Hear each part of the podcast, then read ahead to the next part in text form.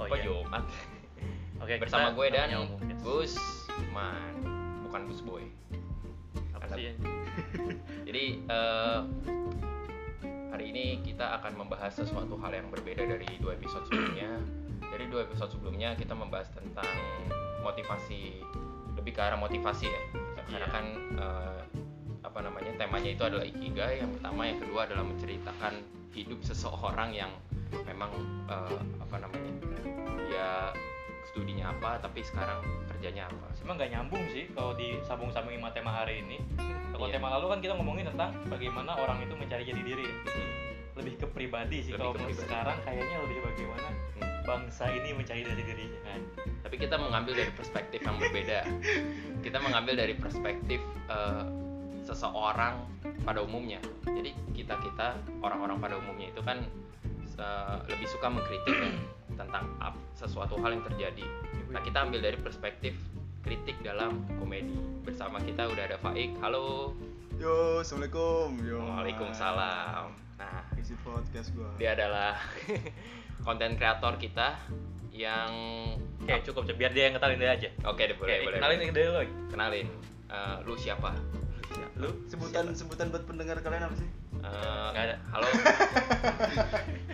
Halo semuanya gitu ya karena ada. ya boleh deh halo semuanya deh Yo, assalamualaikum teman-teman. Waalaikumsalam warahmatullahi Kenalin nama gua Faik ya. Mungkin lebih enak dipanggil Faik Damon kali ya. Gitu. Jadi gua itu dulu anak WNJ ya bareng-bareng sama Rusdi, sama Gusman juga. gua aku ini. Lu sekarang ya. Ntar gue juga gua, gua amin amin Jadi gue itu dulu sempet berkecimpung di dunia komedi gitu-gitu dah kan. sekarang masih Sekarang masih tapi dikit-dikit dikit-dikit karena udah mulai menua dan waktu sudah mulai memadat. Lu udah nggak stand up lagi ya? Gue udah enggak gitu Sama udah, sekali? Iya sama sekali udah nggak pernah ikut latihan lagi Hmm. gitu dengan ya alasan itulah. Jadi Tapi lu job masih ada. Enggak. lu per- sekarang tuh pertama kali di kepada- mana pertama kali di mana Pertama kali itu gua di eh, ini bareng komunitas regional. Kalau latihan ya, ya. gue pertama kali latihan itu eh, sama komunitas regional di Jakarta Utara tuh di kafe apa gitu gue lupa. Cuma kalau yang ngajarin gue, yang kenalin gue itu anak-anak Sinap UNJ. Oh, terima kasih Sinap UNJ. Yang- argumentation selalu Ya, yang membawa gua ke apa tuh stasiun TV-nya? MNC TV. TPI bukan tuh? Enggak, udah MNC. Oh, udah MNC. Udah MNC. Thank you Senap NJ ya. Gitu. lalu dari situ lu eh, Dari situ gue udah mulai mulai mulai kenal kenal dunia stand up dunia komedi. Tapi dunia mengenal lu nggak saat itu? Dunia ah sebenarnya enggak tapi pernah ada kejadian lucu. Apa tuh? Jadi waktu 2015 itu waktu mau aksi nasional tuh dulu ketua BEM UNJ-nya Kak Roni. Jadi eh, anak-anak daerah tuh pada kumpul kan di UNJ hmm. dari banyak kita kumpul di yang rusun rusun Oh, rusun ya. rusun rusun Nawa. Mm-mm. rusun Nawa. Nah kita konsol konsol konsol konsol sampai malam selesai tuh. Nah ada satu orang dari Unram Universitas Mataram itu yang senyum senyum nyengir nyengir gitu kan. Suka malu. cowok. Hati-hati gue terus gue lupa siapa yang kenalin gitu karonnya itu siapa gitu. Nah. dia bilang eh ini dulu pernah masuk TV lo MNC gitu. Nah si anak Unram itu bilang iya kok saya nonton dulu. Gitu ternyata dia tahu gua. Lucu. Seenggaknya ada satu lah dari sekian banyak orang di situ gitu. Nama acaranya apa? Di MNC? nama acaranya adalah api lagi. Tapi jangan dicari di YouTube ya karena gua nggak lucu. Juga sangat malu ketika orang-orang menonton itu. Lu gosong di keberapa deh? gua di eh, episode kelima baru lima episode Dia nggak kalau ibarat di anime itu baru muncul mati. Iya, itu karakter karakter itu nggak satu season itu satu season 12 episode Nggak nyampe satu season langsung keluar gua. Gitu. Terus sempet eh, bikin-bikin konten juga di Kembali Soleh gitu-gitu deh, video-video yang so- lucu-lucu. nanti user cek. usernya gue taruh di deskripsi Yo, User ID. ID-nya Apa sih namanya? Soleh. Ya ID ya. iya. Ya ID. ya itulah pokoknya. Nanti gue taruh di deskripsi Account, supaya account, lu semua account. bisa akun cek. akun Account, iya. account. Instagram account. Ya, intinya supaya lu semua bisa cek. Iya dan sampai sekarang masih aktif gak? sekarang lagi lagi break. Kita lagi break karena udah berapa bulan kita nggak syuting syuting Break. gitu. lagi break. Iya, lagi apa ya? Lagi Break putus lagi syuting syuting gitu. Lagi pending deh pending pending. Pending.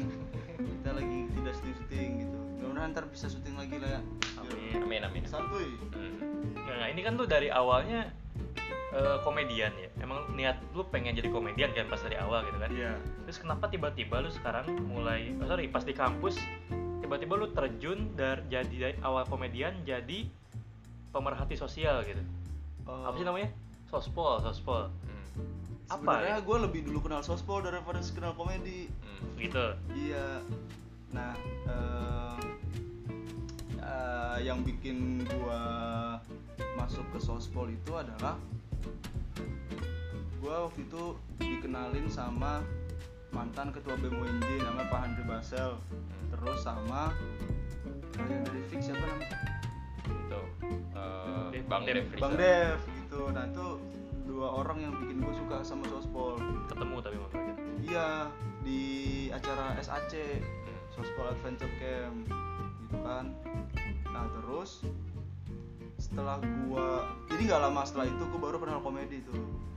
nah abis itu gua ngerasa kayak ternyata ada cara lain untuk menyampaikan aspirasi yaitu lewat kreativitas gitu. Nah itu mulai gua tularkan ke teman-teman gua. Nggak nularkan juga sih gue coba pakai itu di setiap gua kegiatan-kegiatan sospol gitu deh. Gitu. Jadi itu yang mendorong lu jadi orang yang apa namanya eh, melakukan kritik tapi lewat komedi gitu ya? Ya dan gue berkaca juga dari beberapa komedian yang dia emang fokusannya ke situ sih. Kayak Panji dan juga Abdur kalau lo tahu ya. Hmm. mereka itu Gak tahu. Nggak tahu ya? Mereka itu eh, kalau Abdur tuh orang timur Oh iya iya iya. orang timur jadi dia menyuarakan keresahan-keresahan orang timur gitu deh nah mereka tuh kritik yang menghibur sih kalau menurut gue jadi itu kayak kayak menginspirasi gitu loh ternyata eh, kritik pun bisa disampaikan lewat hiburan Dan ternyata mudah diterima ya kalau Dan- pakai hiburan. ternyata mudah diterima Lu tau ini gak yang stand up DPR itu? ya ya, si itu kan. bocil itu lupa Ya, itu banyak. Lu kalau lihat di YouTube tuh DPR Now namanya. Mm. Itu acara yang isinya stand up khusus buat ngeritik DPR. Padahal isinya sama kayak mahasiswa lagi orasi, Iya. ngejek-jelekin. Hmm. tapi dikasih panggung Ya, tapi beda beda DPR ketawa gitu. Konyol aja. zone zone Konyol. Lu kalau lihat di DPR Now itu Iya. banyaknya kontes kan ya? Iya. Itu semua ngeritik DPR itu tajam-tajam. Hmm. Tapi mereka ketawa, nggak ada polisi.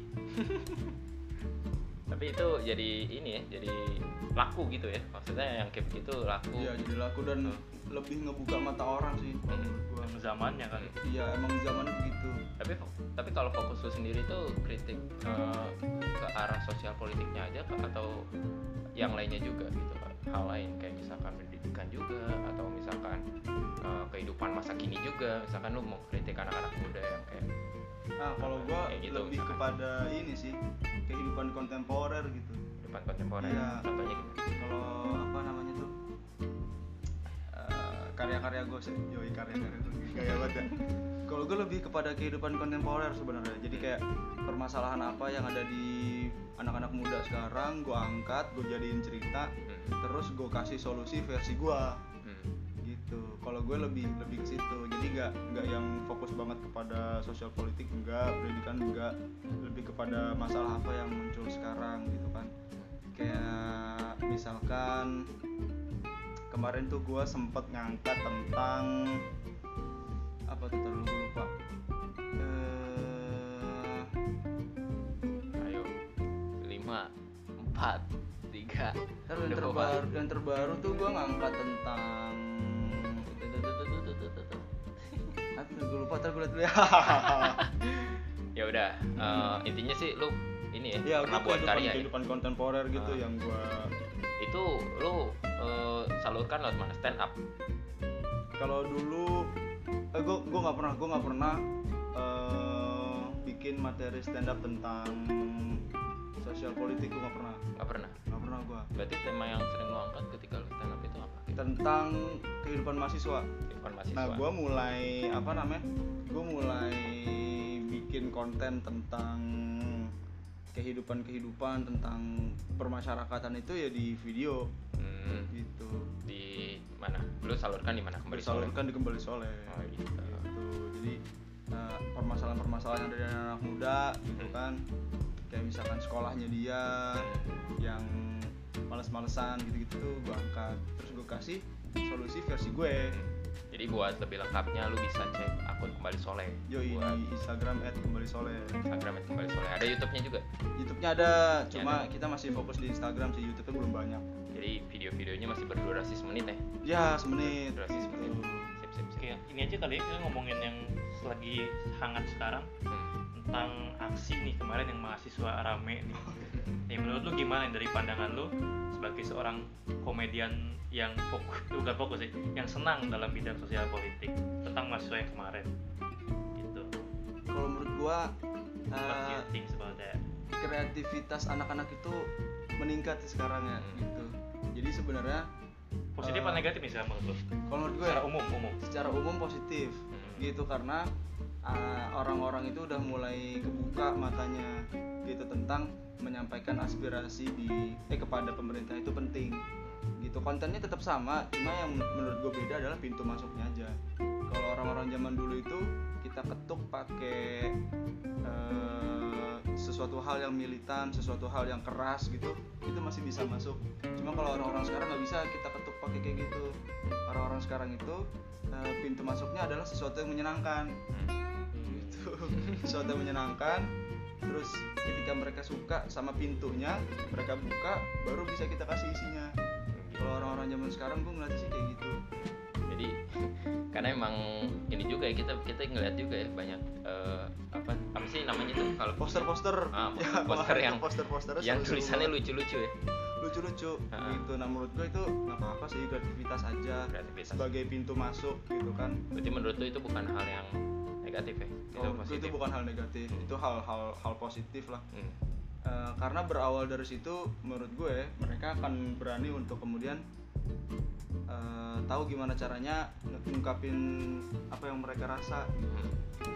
Mulainya dari situ. Ntar mudah-mudahan apa yang mereka ungkapin adalah benar-benar masalah yang ada di Indonesia tapi kan eh, kita ngeliat kemarin tuh demonya Selasa ya hari Selasa. Masa Ah, terus Rabu ada lagi, ada lagi lanjutan. STM tuh STM. STM Weh mandi weh. STM tuh. Tapi gue mendukung anak-anak STM Mm-mm. kita punya perspektif gue gue pribadi sih sebenarnya punya perspektif yang beda ya. Walaupun banyak yang bilang kalau STM itu kan nggak ngerti konten ya Iya. nggak nggak nggak ngerti apa yang mereka aksiin cuman ini kenyataannya kenyataan bahwa ada eh, kelompok yang resah juga bukan cuma mahasiswa tapi kelompok STM pun juga walaupun mereka nggak ngerti konten gitu ya nggak ngerti konten kita harus melihat ini dari perspektif yang beda mereka rusuh kenapa ini bisa jadi adalah salah salah orang-orang yang memang menjadi contoh mereka Iya. gitu. Terutama eh, orang yang baca komik dan sekarang jadi presiden. Dan mungkin Parah.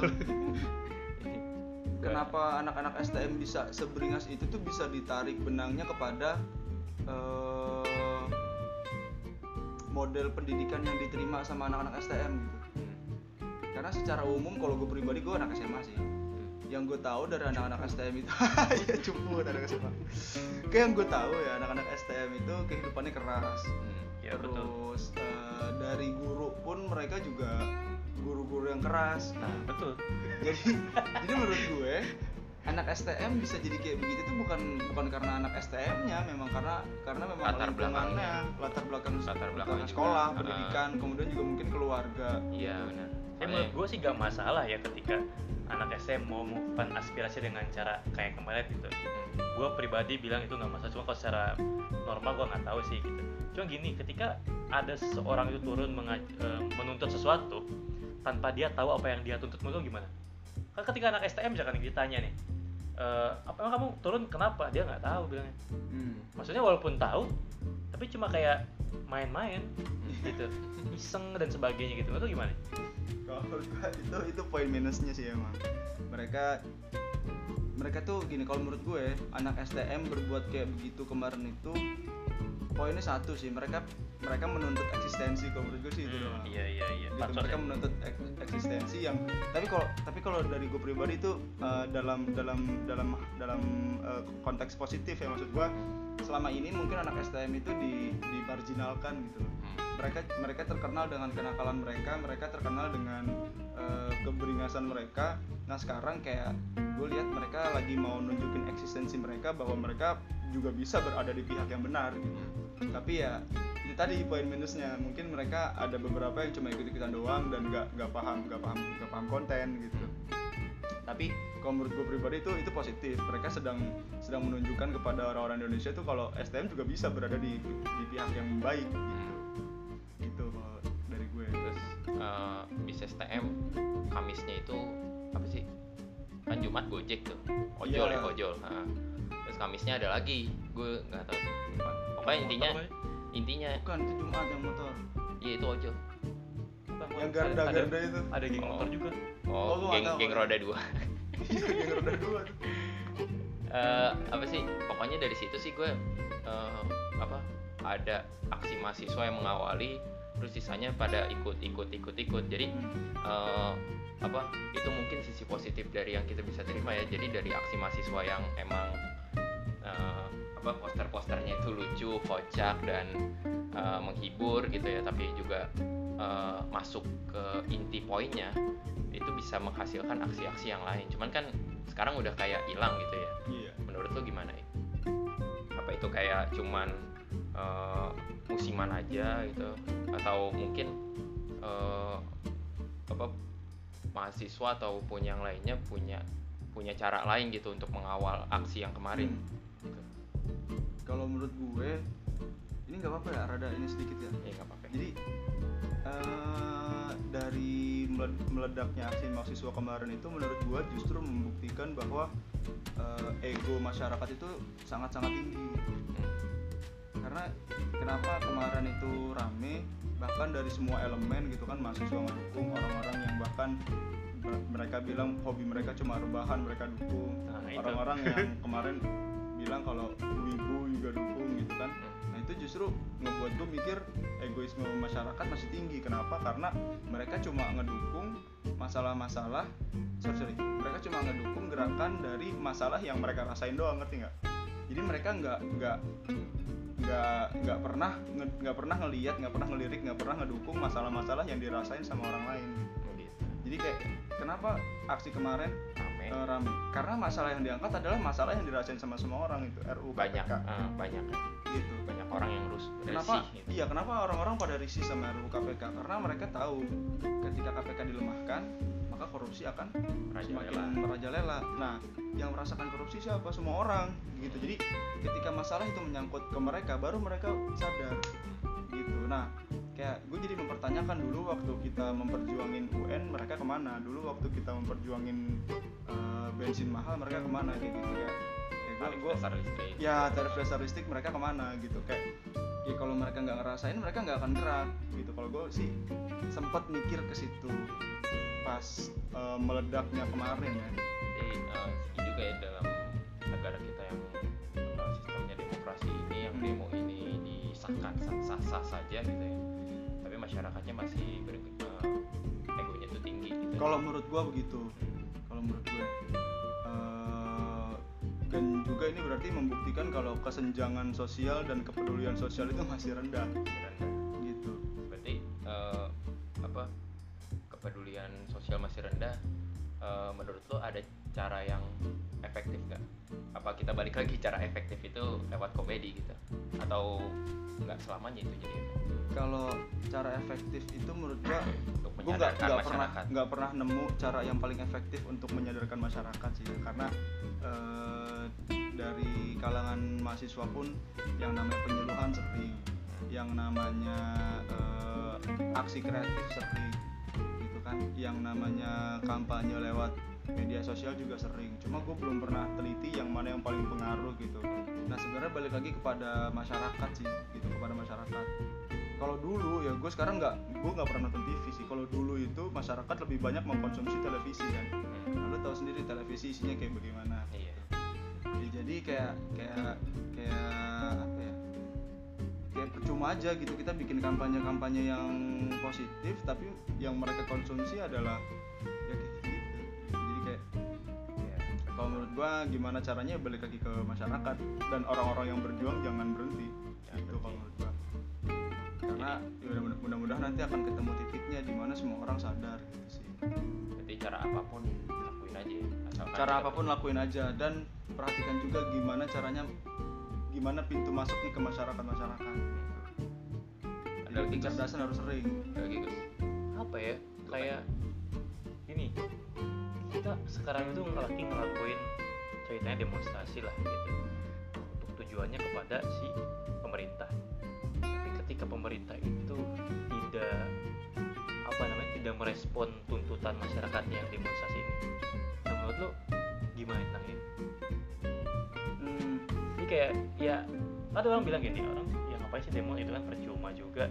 Bukan masalah demonya nggak boleh cuma kayak ngapain harus percuma kagak didengerin kan kayak gitu. Iya. Tahu tuh gimana tentang ini? Kalau kalau ini ya kalau menurut gua em, balik lagi kepada beban moral sih. Gua gua gua entah ya gua em, dulu sama abang-abang gua di UNJ tuh gue selalu di- diberikan konten-konten tentang beban moral. Jadi yang yang mana beban moral ini tuh ngebuat lu nggak bisa diem ketika ada sesuatu yang salah gitu.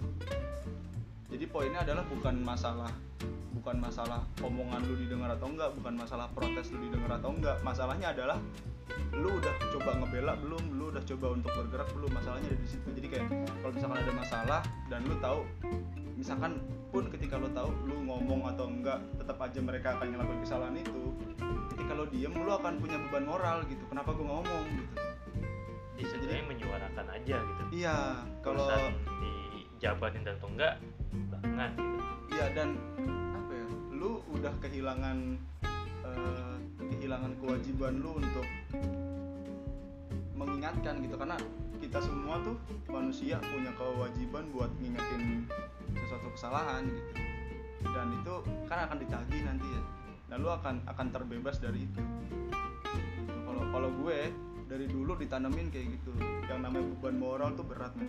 Berat banget. Lu akan ketika ketika kesalahan lu diemin dan itu membesar lu akan punya rasa kayak kenapa dulu gua nggak coba untuk benerin? Gitu. Nah itu itu ditanamin banget sama abang-abang gue jadi ya gitu. Kita akan punya beban moral ketika kita nggak nggak nggak nggak mencoba untuk ngebenerin kesalahan. Kalau dari gue gitu. Paling eh, itu kali ya seputar aksi. Nah karena memang lu ini adalah seorang konten kreator ya bisa bilang gitu ya. Konten-kontenan. Enggak kita kita udah bisa menyebut lu sebagai konten kreator lu dan setidaknya udah pernah bikin konten ya. Iya, sebenarnya udah bikin kan konten. kreator tapi ya. tapi belum sukses ya. Kalau subscriber Ya, gue seata baru sukses. Ya Ata kasih. Kalau Ata dengerin ya kasih subscriber lu ke gua. Ata dengerin gak sih dengerin lah ya. Insya Allah insya Allah. Dengerin Ata oh siap Ata lagi sibuk loh Ata lagi banyak muncul ya. Ngeprank sih Ata ya. Tapi eh, apa ya dari dari hal yang berbeda nih gue pengen tanya eh, kepada hal yang eh, lu lakukan gitu. Lu lu kan melakukan tadi ya lu bilang melakukan kritik gitu ya lu melakukan eh, apa memberikan solusi kepada permasalahan anak-anak muda gitu ya lewat video yang lu buat di akun Bali Soleh. Nah lu bisa contohin nggak ah, di sini. Apa lu bisa bilangin nggak contoh permasalahan anak muda apa dan lu bisa kasih solusi apa? Oh ya. Ah, jadi Eh, permasalahannya apa? gue sebenarnya sangat fokus kepada anak muda itu di bidang pendidikan. Hmm. gitu. yang gue fokuskan adalah kenapa anak-anak muda zaman sekarang itu merasa bahwa belajar itu menyedihkan. Itu sa- sangat sangat sangat gue sayangkan gitu. Belajar itu Iya, menyedihkan. menyiksa belajar itu menyiksa gitu terus akhirnya gue itu mikir itu dirasain di mana? Yang dirasain sama semua anak. Bukan nggak semua anak sih. Anak gue sekolah menyimpulkan gue menyimpulkan itu dirasakan sama semua anak sekolah dari tiga murid les gue. Jadi gue ngajar les loh jadi kalau lo pada mau les kimia boleh ke gue gue menyimpulkan itu dari tiga murid les gue Eh. karena apa? Karena setiap ulangan mereka selalu ngebawa eh, ngebawa hawa yang nggak enak gitu. Jadi kayak ulangan itu adalah hal yang paling menyedihkan di, di, hidup mereka. Ya murid gue happy happy aja terus gue mikir kan kenapa pendidikan itu jadi sesuatu yang tidak menyenangkan? Sampai akhirnya gue eh, berpikir kalau eh gue gue menemukan menemukan apa namanya itu kesimpulan bahwa yang bikin pendidikan itu menjadi menyeramkan adalah karena mereka salah menentukan tujuan. Itu premis gue. Itu premis yang premis yang eh, udah lama sih gue temuin cuma konklusinya gue belum dapet sampai akhirnya gue dapet konklusi itu. Kalau menurut gue anak-anak kenapa nggak suka belajar? Karena mereka salah dalam menentukan tujuan. Gitu anak-anak zaman sekarang belajar biar ketika ulangan dapat nilai 9 men. Padahal Nggak seharusnya 10 ya? Nggak 10 sembilan. Padahal seharusnya eh, ini sebenarnya petunjuk dari konklusi yang gue dapat itu gue udah pernah denger dari dosen gue namanya eh, Bu Yuli eh Bu Yuli kalau Bu Yuli denger ya. Aduh saya ngefans banget sama ibu nih. Lagi TK Bu Yuli dulu pernah bilang ya eh, tujuan dari belajar kimia itu adalah untuk ngebantu kita dalam menjalani kehidupan kita itu sebenarnya. Itu kalau gue ya di kimia.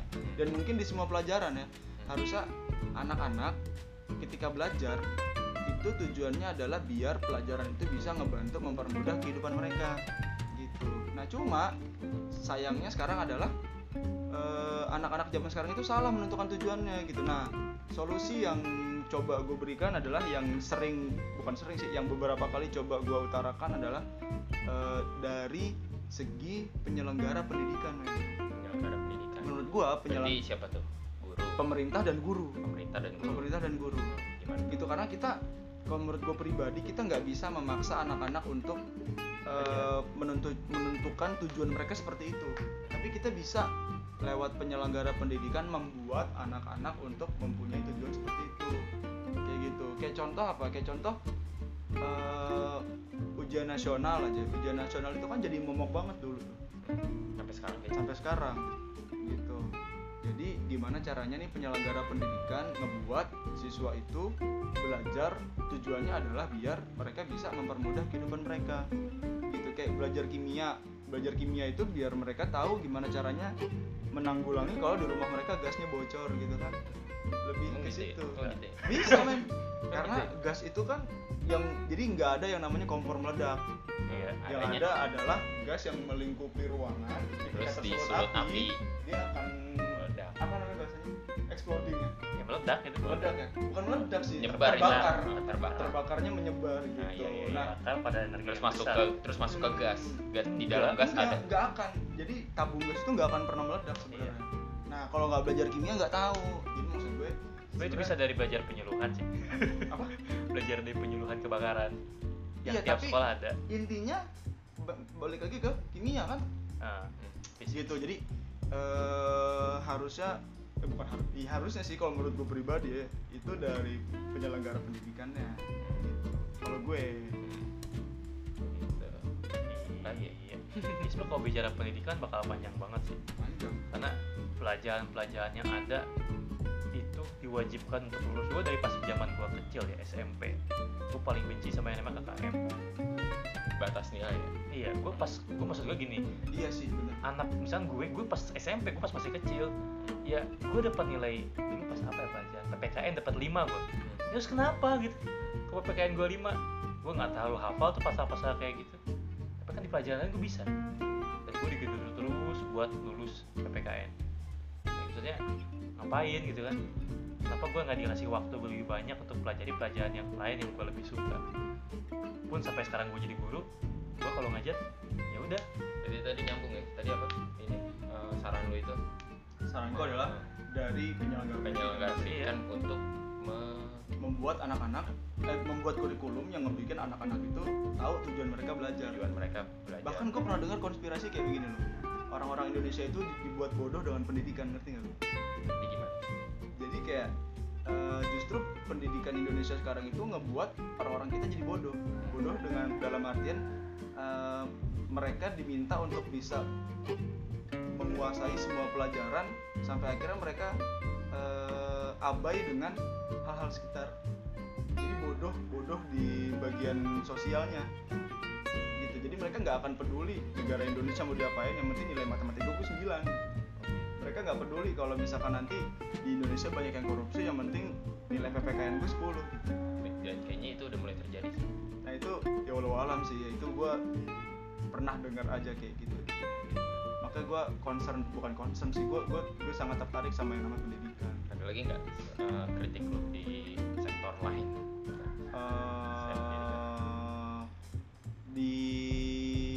sosial sih paling Sosial ya? sosial dan lebih ke kalau kalau gue sama teman-teman tuh lebih ke kepada agama sih ya Mm-mm. gitu lebih kepada agama kayak misalkan eh, kalau misalkan lagi ngobrol terus ada yang bersin harus kayak gimana lebih kayak gitu Iya. yang simpel-simpel tapi yang Adab banyak ya? orang lupa ya ada gitu Iya. kan ada kita butuh diingetin juga sih iya kalau gue sama teman-teman lebih ke sana sih hal-hal simpel yang mungkin orang-orang lupa dan jatuhnya bukan kritik sih ya tapi kayak lebih kepada sama sih kayak mengingatkan mengingatkan gitu lebih kepada ke situ.